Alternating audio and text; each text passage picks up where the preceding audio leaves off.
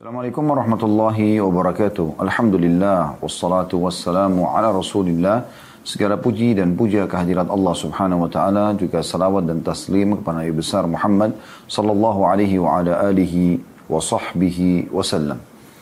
Mudah-mudahan teman-teman sekalian di hari yang mulia ini di hari Kamis Allah Subhanahu wa taala memberkahi sisa umur kita dan dipanjangkan di atas ketaatan dan keimanan kepada Allah Subhanahu wa taala serta semoga seluruh kesalahan yang pernah kita lakukan dimaafkan dan diganti dengan kemahamuran Allah menjadi pahala serta semoga teman-teman kita yang sedang diuji oleh Allah Subhanahu wa taala dengan corona disembuhkan uh, tanpa bekas dijadikan sebagai pembersih terhadap dosa-dosa dan juga Allah Subhanahu wa taala menjadikan ini tiket untuk menuju ke surga tanpa hisab dan juga bagi yang meninggal semoga Allah terima sebagai syahid di jalannya dan keluarga yang ditinggal dari orang yang dicintai bisa diberikan kesabaran dan juga diberikan pahala atas cobaan tersebut. Dan semoga Allah angkat corona ini dari negara kita tercinta Indonesia dan seluruh dunia kita berharap secara umum dan semoga kehidupan kembali normal seperti apa adanya dulu ya sebelum terjadi corona ini. Allahumma amin. Kita melanjutkan teman-teman sekalian di hari Kamis seperti biasa bedah buku kita. Dan kita sudah berada di hadis-hadis yang terakhir ya. Kita berada di hadis nomor 37 dan sebagaimana kita tahu di sini ada 40 hadis ya.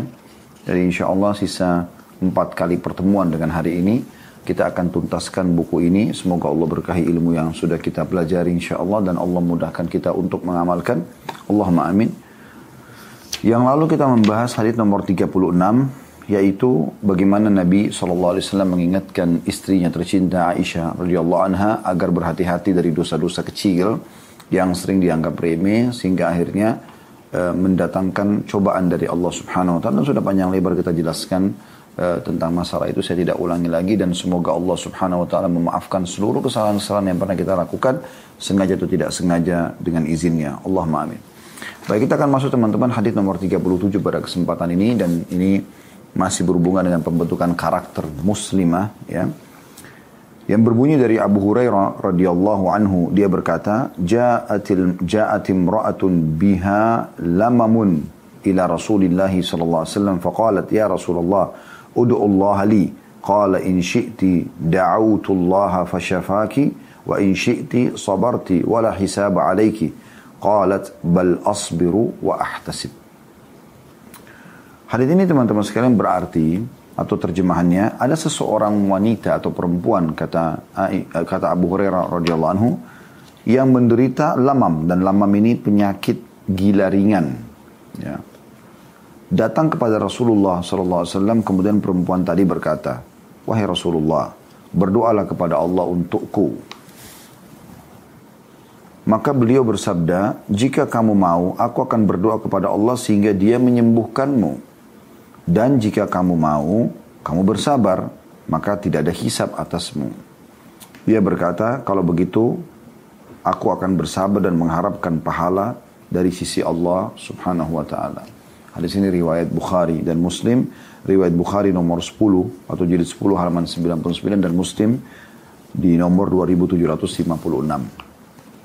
Di dalam uh, hadis nomor 37 ini uh, penulis tidak menambahkan syarah atau penjelasan apa pun, maka kita akan coba korek insya Allah hikmah-hikmah yang bisa kita ambil dari hadis yang mulia ini. Secara umum dulu maknanya, eh, bagaimana para sahabat Nabi Ridwanullah alaihim baik laki-laki dan perempuan betul-betul menyadari tentang kedudukan Nabi Shallallahu Alaihi Wasallam. Sampai-sampai apa saja yang mereka rasakan, yang mereka hadapi, mereka mendatangi Nabi SAW. Dan itu adalah hal yang sangat baik. Karena dia adalah, atau Nabi SAW adalah utusan Allah Subhanahu Wa Taala dan tidak mungkin salah, ya. Sehingga mereka dapat panduan yang benar, ya, dari Allah Subhanahu Wa Taala. Itu yang uh, perbuatan terbaik yang mereka lakukan. Kita sering temukan ada sahabat yang uh, melakukan dosa kena kelalaian, ya. Ada sahabat pernah mencium seorang wanita, ada sahabat pernah melakukan hubungan biologi suami istri tapi di siang hari Ramadan. Ada sahabat yang uh, pernah melakukan dosa yang sampai pada tingkat harus ada had, ya hukuman fisik pada dia. Kemudian dia ikut sholat bersama Nabi SAW. Mereka mengeluhkan. Ada sahabat yang punya utang, ada sahabat yang punya penyakit, ada segala macam hal. Mereka datang kepada Nabi SAW dan ini kemuliaan sebenarnya ya. pada diri para sahabat tersebut ridwanullah alaihim bagaimana mereka betul-betul memposisikan Nabi SAW sebagai utusan Allah dan mereka memaksimalkan itu. Dan itu satu hal yang sangat baik. Satu hal yang sangat baik. Di antaranya sikap wanita ini. Bagaimana dia tertimpa lamam ya, atau terjemahnya lebih tepat seperti orang yang sering lupa ingatan ya. Eh, apa namanya? Orang yang kadang-kadang sering linglung ya. Seperti itulah kurang lebih. Kemudian dia mengeluhkan itu kepada Nabi sallallahu alaihi wa ala alihi wa sahbihi wasallam. Ada hadis yang serupa dengan ini tapi menjelaskan juga sama riwayat Bukhari. Seorang wanita datang kepada Nabi SAW tapi dia kena penyakit ayan ya.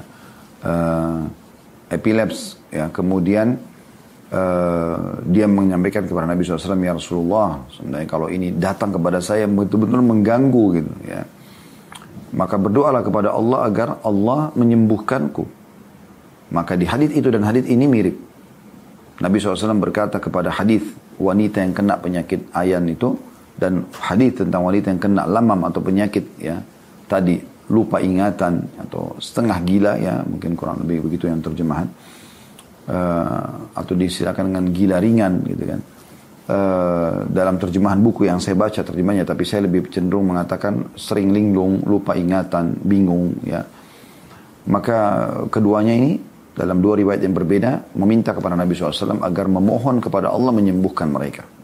Ya. Lalu jawaban Nabi SAW mirip. Kata Nabi SAW kepada keduanya di kedua waktu dan orang yang berbeda, kalau ya, kau mau saya akan berdoa kepada Allah agar Allah sembuhkan penyakitmu.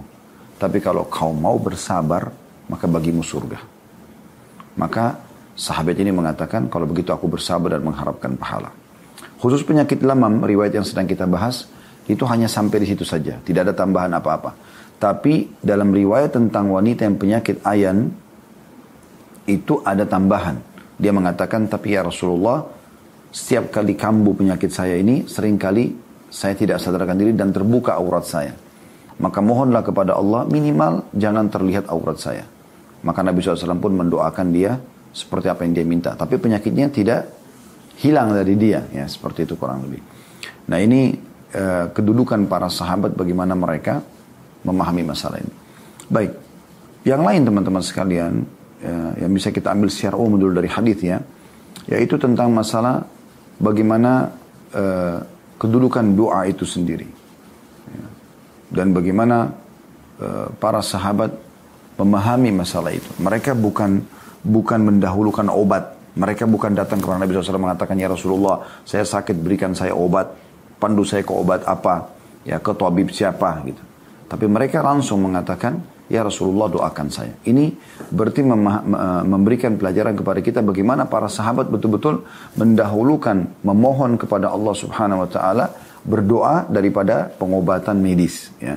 Ini hal yang harus didahulukan oleh kaum muslimin. Dan ini sudah kami singgung di bahasan tentang masalah ruqyah syariah. Bagaimana kita mendahulukan membaca ayat-ayat Al-Quran, berzikir, membaca doa-doa yang diajarkan Nabi SAW, berdoa secara pribadi minta Allah sembuhkan. Itu didahulukan daripada pengobatan medis. Contoh misal, sebelum Anda ke dokter, Anda lagi mau berobat. Maka usahakan sebelum ke dokter tersebut, Anda sudah berdoa kepada Allah SWT.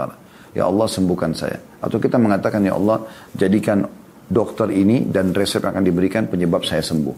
Maka insya Allah akan sembuh. Yang jadi masalah teman-teman dari kaum muslimin umumnya mereka menomor sekiankan ya hubungan dengan Allah Subhanahu wa taala. Jadi mereka dari dokter ke dokter, dari dokter ke dokter terus saja begitu sampai puncaknya mereka sudah tidak bisa lagi sembuh, baru mereka sholat tahajud untuk mohon kepada Allah SWT. Padahal sebenarnya kalau mereka balik kasusnya, mereka dahulukan untuk memohon kepada Allah Subhanahu Wa Taala, bisa saja Allah sembuhkan bahkan tanpa melalui medis, gitu kan? Tentu medis bagian daripada ikhtiar dan kita akan singgung nanti masalah itu insya Allah ya. Tetapi jangan lupa doa.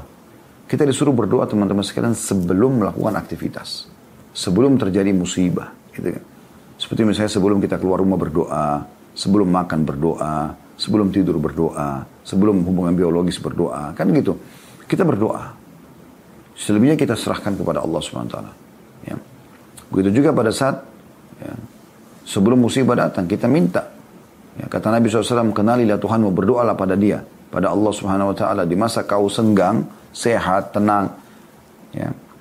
Dan dia pasti akan mengenalimu di saat kau sedang sulit. Jadi memang kita justru sebelum musibah datang, sebelum penyakit datang, kita berdoa kepada Allah SWT. Dalam zikir pagi petang selalu kita mengatakan Allah minasarukal afwa wal afiyah. Ya Allah aku mohon kepadamu keselamatan, kesehatan. Kita minta itu. Di antara doa Nabi SAW, Allah minni a'udzubika min zawali ni'amik. Ya Allah aku berlindung kepadamu dari ya, teralihkannya, hilangnya nikmat yang sedang kau berikan kepadaku. Wa tahawuli afiyatik. Dan beralihnya ya, kesehatan kepada penyakit. Wa fujaati nikmatik. Dan tiba-tibanya hukumanmu datang. Wa jami'i sakhatik dan semua kemurkahanmu. Ya. Jadi ini kita harus perhatikan baik-baik Eh, bagaimana Islam dan syariat mengajarkan kita melalui Nabi Muhammad SAW yang mulia, bagaimana kita mendahulukan hubungan dengan Allah Subhanahu Wa Taala. Karena kalau kita sakit, yang ciptakan kita Allah, yang ciptakan penyakit Allah, yang bisa menghilangkan juga hanya Allah, maka kembali kepada Dia. Ya. Dan orang mukmin selalu bersangka baik kepada Allah Subhanahu Wa Taala.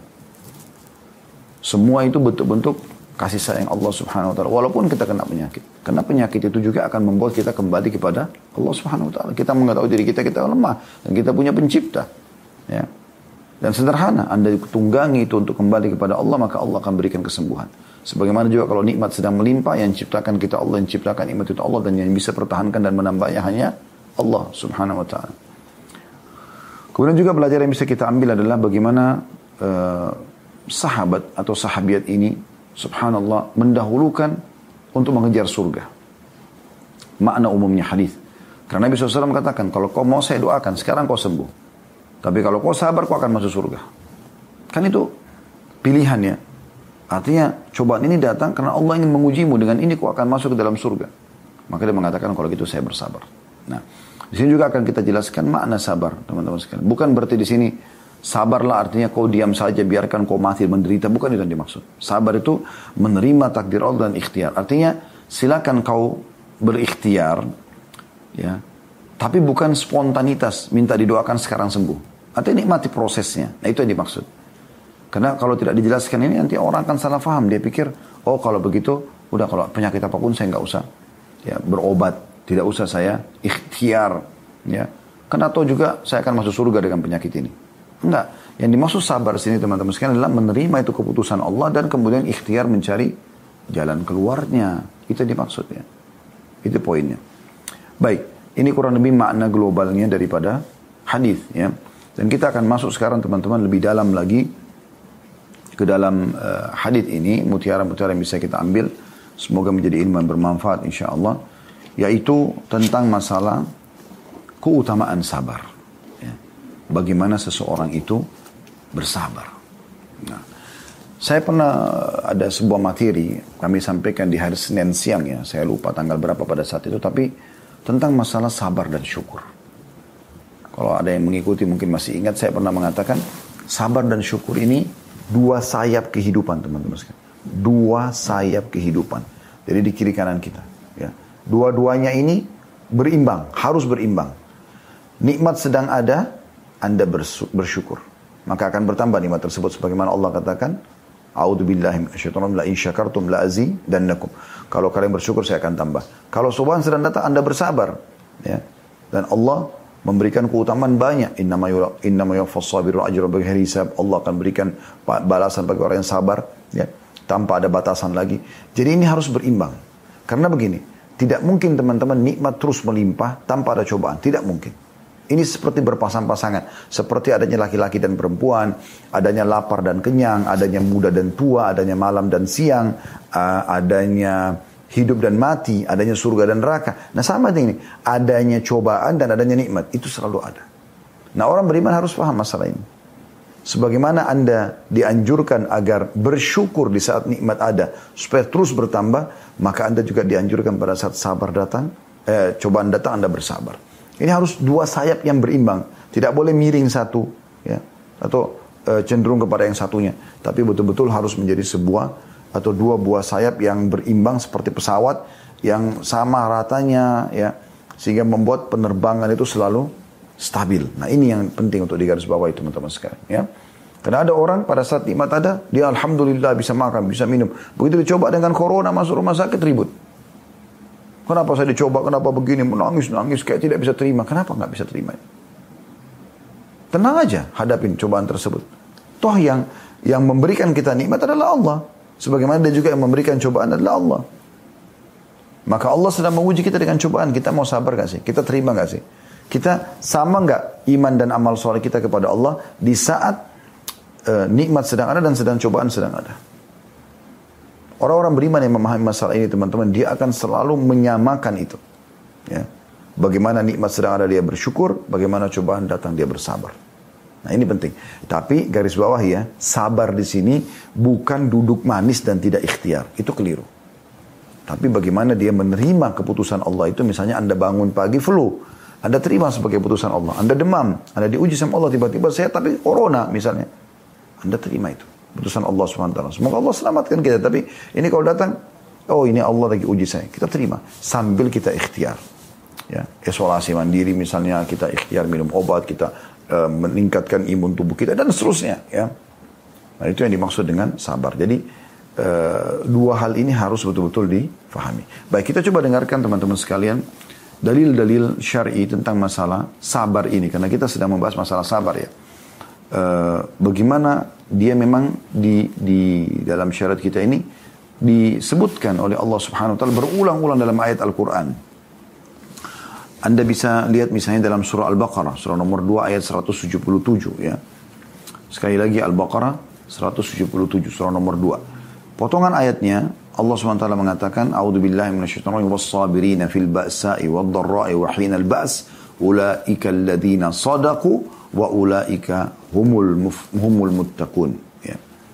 Yang artinya dan orang-orang yang sabar dalam kesempitan, penderitaan dan dalam peperangan, mereka itulah orang-orang yang benar imannya dan mereka itu adalah orang-orang yang bertakwa. Jadi kita lihat di sini teman-teman sekalian, Allah Subhanahu wa taala memastikan dalam ayat ini akan ada cobaan datang. Dan orang yang sabar di cobaan tersebut, ya, dia tidak banyak berkeluh kesah. Dia cuma bicara pada ahlinya, misalnya seorang dokter. Ada orang subhanallah flu, satu dunia tahu kalau dia flu. Maksudnya ini tanda kutip ya, bahasa kiasan saja. Artinya dia berkeluh kesah, saya flu, saya begini, saya begitu, saya sakit kepala. Untuk apa semua orang disampaikan? Manfaatnya apa? Kecuali anda minta didoakan, doakan ya saya lagi sakit, itu lain. Tapi kalau anda berkeluh kesah, seakan-akan tidak bisa menerima apa yang sedang Allah berikan kepada anda, ini sulit. Anda kalau kerja di perusahaan, lalu kemudian anda dibebankan satu pekerjaan, lalu anda berkeluh kesah, pemilik perusahaan akan keluarkan anda. Mungkin dia lagi uji anda dengan itu, kemudian nanti dia akan naikkan jabatan anda kan gitu. Kan biasa begitu. Mungkin kalau ada yang ikuti acara kita nih, para pemilik-pemilik perusahaan, mungkin anda tidak asing dengan metode ini kan. Biasanya mungkin anda uh, ingin menguji orang ini uh, anu gak sih uh, loyalitasnya ya kepada perusahaan besar gak? Maka diuji dengan beberapa ujian, diberikan beban pekerjaan, diberikan ini. Kalau kita lihat ternyata dia responnya baik, dia tulus, ya, dia bisa menjaga nama baik perusahaan, mungkin dia akan diberikan jabatan ataupun bonus-bonus kan seperti itu, ya. Berapa kali Umar bin Khattab radhiyallahu menguji beberapa orang yang dia akan tunjuk menjadi gubernur di wilayah-wilayah kaum muslimin. Setelah diuji, Umar bin Khattab pastikan baik, lalu kemudian ditugaskan seperti itu. Ya. Saya ulangi lagi, Allah SWT mengatakan dan orang-orang yang sabar dalam kesempitan. Kesempitan apa pun, ya. Sempitan harta, ya. Kemudian penderitaan. Jadi orang-orang yang menderita, Anda lihat orang dalam keadaan miskin, uh, sakit 10 tahun, 20 tahun, penderitaan. Dan dalam peperangan, meninggalkan keluarga, meninggalkan pekerjaan, Kemudian pergi medan perang, setiap saat bisa disiksa oleh musuh. Ya kalau ditembak langsung mati. Tapi kalau dipotong kupingnya, di, disiksa, dibakar kakinya, dipotong kakinya dan seterusnya. Banyak hal yang bisa terjadi. Tapi dia bersabar. Mereka itulah orang-orang yang benar imannya, kata Allah SWT. Artinya mereka menerima cobaan tersebut sebagaimana mereka menerima nikmat. Dan mereka sadar, di saat mereka sekarang sehat, satu waktu mereka bisa sakit. Di saat mereka muda, satu waktu mereka akan tua. Di saat mereka uh, kenyang, ada saatnya mereka lapar. Di saat mereka uh, hidup, ada saatnya mereka mati. Dan mereka adalah mereka lah orang-orang yang bertakwa, artinya orang yang patuh kepada Allah Subhanahu wa taala. Firman Allah yang lain juga ya dalam surah Al Imran surah nomor 3 146 Allah pastikan Allah suka sekali dengan orang yang sabar ini. Artinya dia menerima keputusan Allah tersebut sambil, oke, okay, Kalau gitu ini Allah uji saya, saya coba ya ikhtiar mencari jalan keluar. Sambil tidak berkeluh kesah sana sini ya. Allah mengatakan di potongan ayatnya, Wallahu yuhibbus sabirin. Allah sangat suka dengan orang-orang sabar. Bayangkan itu. Ya. Kalau anda disuka oleh pimpinan perusahaan anda, bagaimana senangnya anda? Dia akan penuhi semua kebutuhan anda tentunya. Karena dia senang sama anda. Bagaimana dengan Allah sang pencipta langit dan bumi? Ini sesuatu yang sangat mahal. Dan itu didapatkan predikat ini bagi orang-orang yang sabar. Kemudian selanjutnya juga Allah subhanahu wa ta'ala menjelaskan nah, bahwasanya orang-orang sabar ini benar-benar akan diberikan balasan yang sangat melimpah, banyak sekali dan sudah tidak pakai hitung-hitungan lagi. Dalam surah An-Nahl, surah nomor 16 ayat 96 Allah berfirman, surah An-Nahl surah nomor 16 ayat 96 Allah berfirman, A'udzu billahi minasyaitonir rajim wa lanajziyanna alladziina sabaru ajrahum bi ahsani ma kanu ya'malun. Dan pasti kata Allah, kami akan memberikan balasan kepada orang-orang yang sabar dengan pahala yang lebih baik dari apa yang mereka kerjakan. Sampai-sampai dalam sebuah riwayat yang sahih kata Nabi SAW, nanti di hari kiamat orang-orang yang ujiannya sedikit, ya, itu pada saat melihat bagaimana balasan yang melimpah kepada orang-orang yang banyak ujiannya di dunia, mereka berharap kembali ke dunia untuk digunting-gunting kulit mereka. Mau cobaan yang paling berat, sakitnya luar biasa kulit digunting, tapi seperti itu Ya, karena mereka tahu bagaimana Allah akan balas dengan sedikit bersabar saja. Ya. Allah akan balas lebih. Dalam surah Az-Zumar, surah nomor 39 dalam Al-Quran ayat 10, Allah SWT berfirman, ya, Innama yuwaffas sabirun ajran bighairi hisab. Orang-orang sabar pasti akan diberikan ya, pahala mereka tanpa ada batas. Balasan mereka tanpa ada batas. Di dunia akan diberikan dari paha, dari kesabaran dia ada buahnya pasti. Berapa, berapa banyak orang sabar dalam rumah tangganya. Kemudian Allah subhanahu wa ta'ala berikan dia anak yang saleh dan saleha. Kemudian Allah bukakan pintu-pintu rezeki. Pada saat dia meninggal pasangannya atau cerai, Allah gantikan dengan orang yang lebih baik. Banyak kasus terjadi. Ya, banyak kasus terjadi. Orang tidak dizalimi di perusahaannya, dia bekerja, kemudian tidak diberikan haknya. Kemudian dia keluar, lalu dia bersabar, sudahlah, nggak apa-apa. Gitu. Nanti Allah akan gantikan. Allah pasti gantikan. Pasti Allah akan berikan dia ya pengganti yang lebih baik daripada itu. Apalagi kalau dia hubungkan dengan kalimat istirja. Ini penting ya. Sebagaimana Allah sebutkan dalam Al-Baqarah ya, 155 tentang orang yang diuji sama Allah Subhanahu wa taala ya. Bagaimana mereka mengatakan kalimat istirja inna lillahi wa inna ilaihi raji'un. Allah mengatakan a'udzubillahi minasyaitonir alladzina idza asabatuhum musibatun qalu Inna lillahi wa inna ilaihi rajiun. Mereka yang kalau diberikan cobaan atau ujian oleh Allah, mereka uh, mengatakan kami milik Allah, kami akan kembali kepada Allah. Ya. Maka ini Allah subhanahu wa ta'ala sebutkan keutamaannya di lanjutan ayatnya. Alladzina idha asabatu musibatun qalu inna lillahi wa inna ilaihi rajiun ulaika ya, alaihim salatu min rabbihim wa rahmah. Mereka akan mendapatkan uh, kasih sayang Allah, rezeki Allah, jalan keluar dari Allah. Ya. Dan mereka orang yang mendapatkan petunjuk. Mereka punya kedudukan tersendiri. Kemudian juga bagaimana nanti ahli surga ya, disebutkan dalam Al-Quran surah Ar-Ra'd surah nomor 13 ayat 23 sampai 24 kalau sambutan-sambutan para malaikat nanti di surga itu justru dihubungkan dengan masalah kesabaran selama di dunia. Ya. Sebagaimana Allah sebutkan, A'udzubillahi minasyaitonir surah Ar-Ra'd, wal malaikatu yadkhuluna 'alaihim min kulli babin salamun 'alaikum bima sabartum fa ni'ma dar. Ya. Jadi pada saat mereka sudah masuk surga, maka malaikat pada masuk dari pintu-pintu gerbang istana mereka sambil mengatakan, ya, keselamatan buat kalian atau selamatlah buat kalian ya. Selamat, selamat biasa orang kalau sukses kan begitu. Terhadap apa yang telah kalian sabari, ya. Dan ini sebaik-baik tempat kembali. Ya. Dan ini berarti menandakan orang-orang sabar itu luar biasa teman-teman sekalian. Baik. Kita lihat uh, ada hadis Nabi SAW dan hadis ini uh, diriwayatkan oleh Abu Dawud nomor 3092 ya. Pada saat ada seorang wanita namanya Ummu Ala radhiyallahu anha beliau mengatakan saya pernah dijenguk oleh Nabi SAW di saat saya sakit Adani Rasulullah sallallahu alaihi wasallam wa ana maridah. Saya dijenguk oleh Nabi SAW sementara saya lagi sakit. Faqala, abshiri ya Ummu Ala. Terima berita gembira wahai Ummu Ala. Ini yang Nabi SAW ucapkan pada saat melihat wanita ini sedang sakit. Fa inna maradul muslimi yudhibu, yudhibu Allahu bihi khatayahu kama tudhibu khabathat dhahabi wal uh, fiddah. Artinya, terima dan bergembira wahai Ummu Ala karena sungguhnya penyakit yang menimpa seorang muslim itu akan membersihkan dosa-dosanya sebagaimana api membersihkan kotoran daripada emas dan perak. Ya, emas dan perak. Ya. Dan ini hadis teman-teman, hadis yang mulia. Menandakan penyakit apa pun, sekecil apa pun, seringan apa pun, apalagi kalau berat, maka cukup untuk membersihkan dosa-dosa. Ya. Bahkan ada sebuah riwayat juga yang pernah kami dapatkan, uh, tapi saya tidak ingat sekarang riwayat oleh siapa hadis ini. Uh, yang jelas kata Nabi SAW, ada beberapa penya, ada beberapa dosa yang tidak bisa dibersihkan. Tidak cukup dengan taubat, tapi Allah akan uji hamba tersebut dengan penyakit untuk menyempurnakan pembersihannya. Atau kama qala Nabi sallallahu alaihi wa ala alihi wa sahbihi wasallam.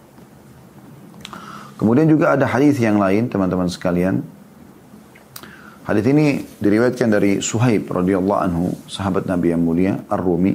Sesungguhnya Rasulullah SAW bersabda, saya langsung ke terjemahan saja, Allah itu eh, takjub.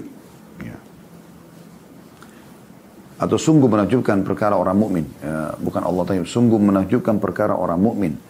Karena semua perkaranya baik. Ajaban diambil mukmin, kullu amrahu khair. Ya. Kalau dia diberikan kenikmatan. Ina sabahu sarra syakr. Kalau dia diberikan cobaan maka dia bersabar. Wa ina sabahu darra sabar. Ya. Dalam beberapa riwayat dikatakan wala yakunu dzalika illa lil mu'min. Itu tidak mungkin dimiliki kecuali orang beriman saja. Jadi kalau dia diberikan nikmat, alhamdulillah. Dia diberikan cobaan, sabar. Bahkan lisan juga masih bisa mengatakan alhamdulillah. Gitu kan? Alhamdulillah ala kulli hal. Teman-teman poin penting ya dalam masalah ini. Makin berat sebuah cobaan yang ada di depan mata Anda, maka yakinlah teman-teman, di ujung daripada permasalahan tersebut ada sesuatu yang Allah janjikan buat Anda. Makin berat, makin besar juga di sana balasannya. Pasti itu. Karena Allah, uh, karena Nabi SAW mengatakan, Inna idhamal ajri ma'idhamal bala. Sesungguhnya besarnya balasan sesuai dengan kadar besarnya dosa. Eh, maaf, cobaan. Sekali lagi saya ulangi. Sesungguhnya besarnya balasan dari Allah ya, kebaikan-kebaikan akan diberikan, itu sesuai dengan kadar besarnya e, cobaannya. Jadi makin berat, maka di ujung sana senyum teman-teman sekalian. Senyum. Cobaan datang, Alhamdulillah. Berarti ada sesuatu yang Allah janjikan nih. Fahami itu. Jadi Allah tidak menguji hambanya begitu saja. Kalau manusia mungkin bisa saja menguji orang hanya menguji kesetiaannya atau apa. Tapi Allah SWT tidak begitu. Allah akan berikan balasan yang luar biasa. Kemudian teman-teman sekian hadis selanjutnya itu diriwayatkan oleh Abu Sa'id atau Sa'id bin Abi Waqqas radhiyallahu anhu. Beliau mengatakan aku pernah bertanya wahai Rasulullah, siapa orang yang paling berat cobaannya? Man asyaddun nasi bala'an. Maka kata Nabi sallallahu alaihi wasallam, al-anbiya para nabi-nabi ya. Thumma al-amsal fal-amsal kemudian orang yang mendekati para nabi-nabi tersebut. Jadi akan ada cobaan-cobaan yang datang. Jadi kan Misalnya orang yang biasa tidak terlalu dekat sama Allah, sakitnya mungkin cuma tiga hari. Mungkin orang beriman bisa satu minggu. Orang yang dekat dengan Allah SWT bisa sepuluh hari. Ya. Kemudian kata Nabi SAW, apabila agamanya kuat, imannya kuat, maka cobaannya juga berat. Dan apabila dalam agamanya ada kelemahan, maka dia akan diuji menurut dengan agamanya. Tidaklah cobaan menyusahkan seseorang hamba sehingga ia meninggalkan atau meninggalkan bumi ini mati ya, dan tidak ada satupun dosa pada dirinya. Hadis ini ya, kalau tadi hadis tentang masalah uh, mengagungkan perkara orang mukmin itu riwayat Imam Muslim yang jadi 8 halaman 125. Kalau hadis yang baru saya bacakan Sa'id bin Waqqas radhiyallahu anhu ini itu diriwayatkan Trimidi nomor 1509, Ibnu Majah 4023, Ad-Darimi jilid 2 halaman 320 dan masih ada perawi-perawi yang lain ada Imam Ahmad juga ya. Tapi yang jelas teman-teman sekalian ini hadis yang mulia sekali. Bagaimana Nabi SAW menggambarkan memang orang mukmin akan diuji. Dan ujian ini sebenarnya bentuk kasih sayang Allah Subhanahu Wa Taala kan. Sebagaimana dalam hadis lain kata Nabi SAW, Inna Allah idha habba abdan ibtalah. Kalau Allah cinta seorang hamba, Allah akan mengujinya. Ujian ini sebenarnya bukan bentuk sisaan kepada dia. Bukan. Tapi justru Allah mau dia lebih lebih padat lagi waktunya untuk beribadah. Karena orang kalau lagi ada ujian teman-teman sekalian, dia akan sibuk dengan ibadah. Gak ada waktu untuk bermaksiat pada Allah SWT. Orang kalau lagi sakit, ya, dia merasa lebih lemah, hanya dia juga bisa lebih banyak waktu loh untuk ibadah kepada Allah SWT. Dan dia juga menyadari ternyata dunia ini sebentar dia akan lalu dan ada kehidupan yang abadi di akhirat sana. Ya. Dan di sini luar biasanya ternyata dia akan membersihkan dosa-dosa. Sebagaimana tadi api membersihkan. Anda pernah lihat ya, kalau Anda belum pernah lihat, Anda bisa lihat di Youtube. Bagaimana emas itu dibersihkan dengan menggunakan semprotan api. Ya. Sehingga menjadi bersih dia menjadi kuning seperti yang Anda sudah lihat mengkilat itu. Itu kan tadinya ada kotoran-kotorannya. Nah sampai seperti itu bersih dosa-dosa kita tidak tersisa dengan cobaan-cobaan tersebut. Lalu kenapa Anda berkeluh kesah? Nikmati aja prosesnya. Apa kata Umar bin Khattab radhiyallahu anhu? Kalau cobaan sedang datang, manusia ada dua golongan. Yang pertama, dia terima apa yang Allah takdirkan, kemudian dia ikhtiar. Maka orang seperti ini, dia akan dapat pahala dia akan mudah melaluinya dan dia akan dapat jalan keluarnya. Tiga hal dia dapatkan. Dengan dia bersabar, lagi sakit misalnya, lagi flu, lagi di uh, zalim, zalim oleh orang, digunjing, difitnah, segala macam lah. Yang semua manusia mungkin melalui dalam hidupnya. Ya. Kemudian dia sabar. Udah, Allah lagi uji saya.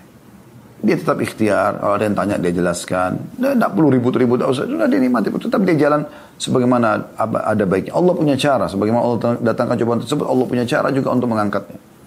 Maka kata Umar, dia akan dapat pahala, dia akan mudah melaluinya. Karena orang kalau sakit dia tahu ini cobaan dari Allah, udah dia nikmati prosesnya, dia tidak akan masalah. Yang ketiga dia akan dapat jalan keluarnya. Dan orang golongan yang kedua, orang kalau diuji sama Allah tidak bisa menerima. Maka dia juga akan melalui tiga, dapatkan tiga hal. Dia akan dapat dosa karena dia protes terhadap keputusan Allah. Dia akan sulit melaluinya. Padahal tetap juga dia harus lalu. Dia bukan dengan ber, berkeluh kesah. Dia marah, dia jengkel, kemudian hilang penyakitnya. Enggak. Tapi dia harus lalui. Dan itu berat dia lalui karena dia sedang jengkel dan mangkel. Ya. Kemudian dia tidak akan menemukan jalan keluarnya. Ini poin yang luar biasa berhubungan dengan masalah sabar tersebut. Kemudian Abu Sa'id al-Khudri juga berkata, radhiyallahu anhu, beliau mengatakan, aku pernah memasuki ya, rumah Nabi SAW di saat beliau sedang sakit demam. Maka aku pun meletakkan ya, tanganku di badan beliau. Biasa orang kalau demam meletakkan di dahi, di tangan, ya, di lengan, di telapak tangan misalnya. Orang mengetahui kalau itu lagi demam. Ya. Maka aku merasakan panas di tanganku di atas selimut Nabi SAW. Jadi saking panasnya, Ternyata dia tidak menyentuh kulit Nabi SAW, langsung dia pegang di atas selimut. Itu tembus panasnya. Lalu aku berkata, saya langsung terjemahkan saja, Wahai Rasulullah, alangkah kerasnya sakit ini pada diri anda. Luar biasa panasnya nih. Saya belum pernah melihat panas seperti ini gitu. Maka Nabi SAW mengatakan, begitulah kami para nabi-nabi. Cobaan kami dilipat gandakan, ya, dibandingkan cobaan yang pada kalian. Dan itu juga menandakan kami diberikan ekstra pahala. Dalam riwayat lain, kata sahabat yang bertanya, ya, ya Rasulullah, eh, apakah berarti anda juga diberikan pahala lebih? Kata Nabi SAW, iya. Lalu Nabi SAW mengatakan, ya, uh, atau dalam riwayat ini kata Abu Sa'id Hudri radhiyallahu anhu, "Ya Rasulullah, siapa orang yang paling berat cobaannya?" Kata Nabi SAW, para nabi-nabi. Aku bertanya, "Wahai Rasulullah, kemudian siapa?" Kata Nabi SAW adalah orang yang mendekati para nabi-nabi tersebut. Ya. Dan mereka akan diuji, atau orang-orang saleh, mereka akan diuji sampai-sampai salah seorang di antara mereka tidak mendapatkan kecuali tambalan mantelnya yang robek, yang dia himpun kumpulin saja dari sobekan-sobekan kan lalu ditempel. Dan apabila salah seorang di antara mereka sungguh merasa senang karena cobaan, sebagaimana salah seorang di antara kalian senang karena kemewahan. Jadi artinya, tapi orang-orang beriman itu, cobaan itu membuat mereka senang. Sebagaimana orang kalau yang Diberikan nikmat melimpah, dia senang juga dapat nikmat tersebut. Sampai pada level itu. Orang-orang beriman itu sangat menikmati walaupun cobaan datang. Bukan dengan keluh kesah. Mereka sambut dengan senyum. Karena dia tahu Tuhannya sedang melihat dia. Hadis ini diriwayatkan Ibnu Majah nomor 4024 dan Al-Hakim jadi tempat halaman 307. Ya.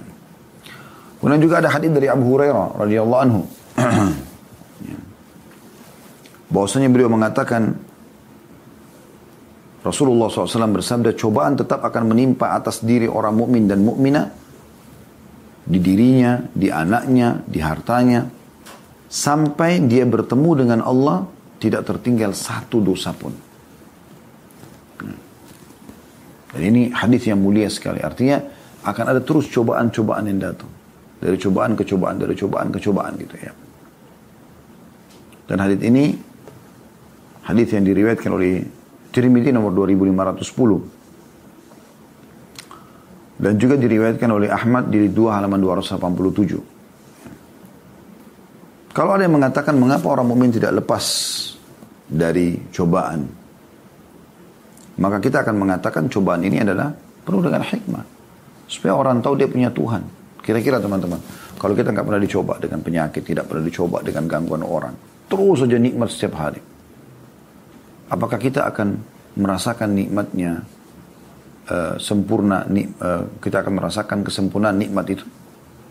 Tentu saya tidak misal gini, tiap hari kita kenyang, tidak pernah lapar, gitu kan kita tidak akan nikmati makanan itu sebenarnya. Karena orang kalau kenyang ditanya mau makan apa, apa ya dia mesti pikir.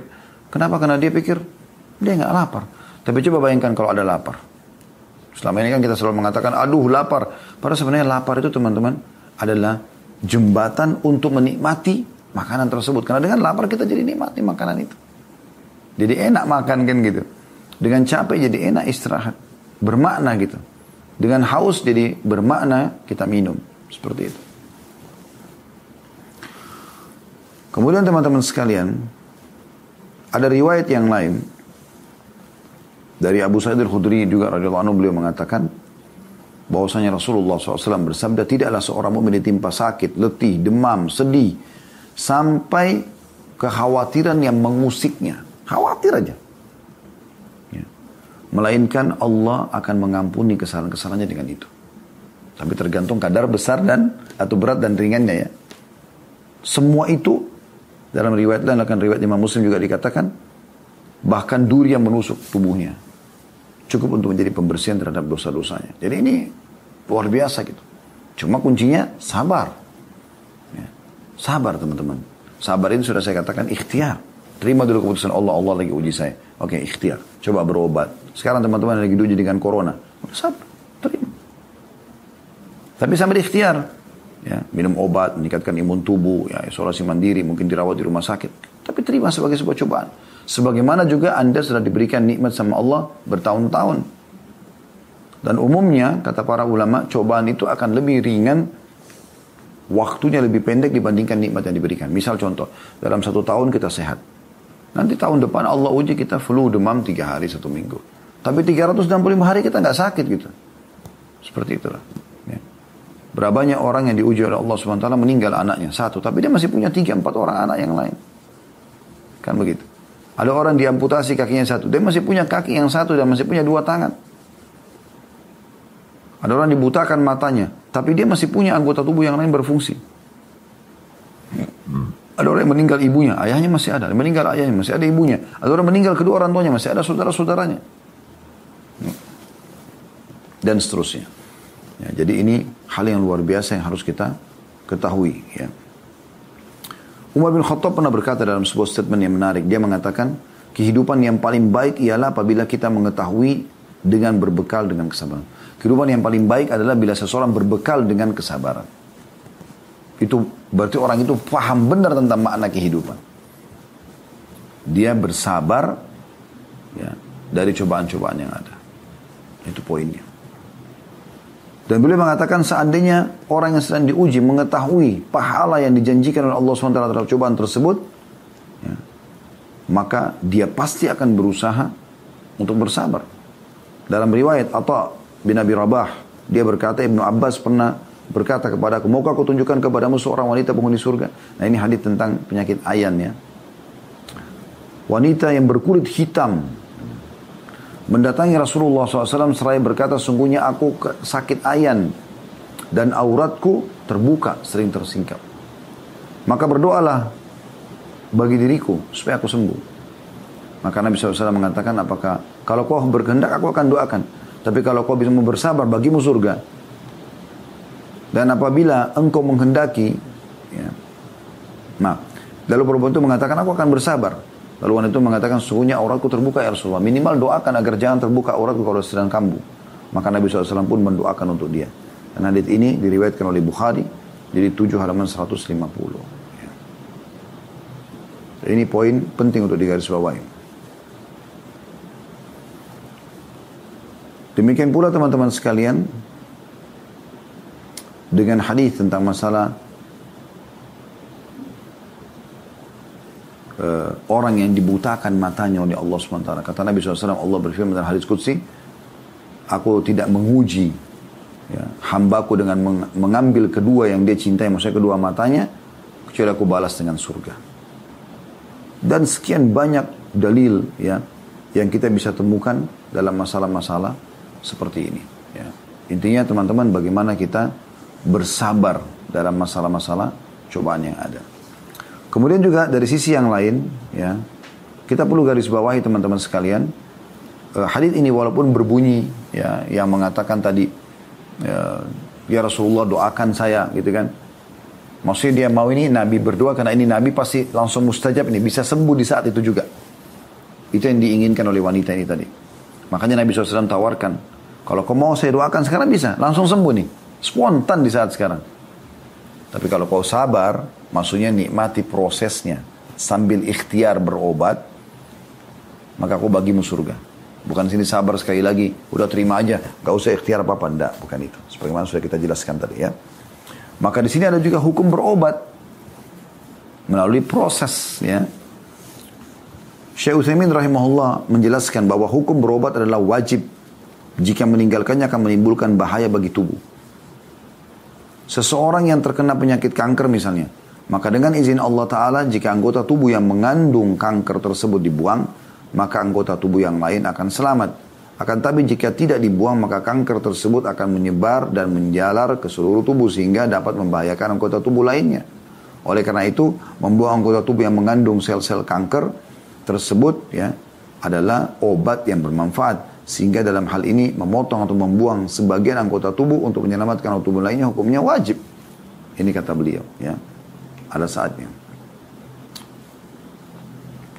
Kemudian juga ada hal lain yang perlu digarisbawahi. Ya. Kalau seseorang itu sifatnya berobat dalam arti kata dia melihat penyakitnya ringan misalnya flu, demam bagi dia ya dia terbiasa, sudah terbiasa melalui dan dia biasa juga cuman minum herbal, minum teh hangat. Dia istirahat cukup lalu dia sembuh. Dan dia, dia anggap itu adalah mu'alajah atau itu obat dia itu boleh saja. Dan ini hukumnya sunnah, bukan kewajiban. Tapi di saat dia kena penyakit dan fonis dokter sudah jelas kalau tidak berobat dia akan bisa mencelakakan dirinya misalnya. Maka di situ wajib dia untuk berobat. Ya. Dan Nabi SAW mengatakan Allah tidak menurunkan penyakit kecuali Allah sudah turunkan obatnya maka berobat wahai hamba-hamba Allah. Disuruh ikhtiar. Ya, oleh Nabi Shallallahu Alaihi Wasallam. Dan bagaimana juga beliau Shallallahu Alaihi Wasallam menunjukkan itu. Beliau berobat ya. Beliau berobat. Beliau pernah sebelum meninggal alaihi wassalam beliau merasa demam yang sangat luar biasa ya. lalu pada saat itu beliau pun meminta agar didatangkan air yang diguyurkan ke tubuh beliau sallallahu alaihi wasallam sebagai bentuk ikhtiar berobat. Jadi obat ini juga tidak harus fisik obat tapi bisa berobat dengan cara yang dibolehkan dalam agama. Yang penting teman-teman teman-teman sekarang harus digaris bawahi hadis Nabi SAW Allah tidak memberikan kesembuhan kalian pada hal-hal yang ia haramkan.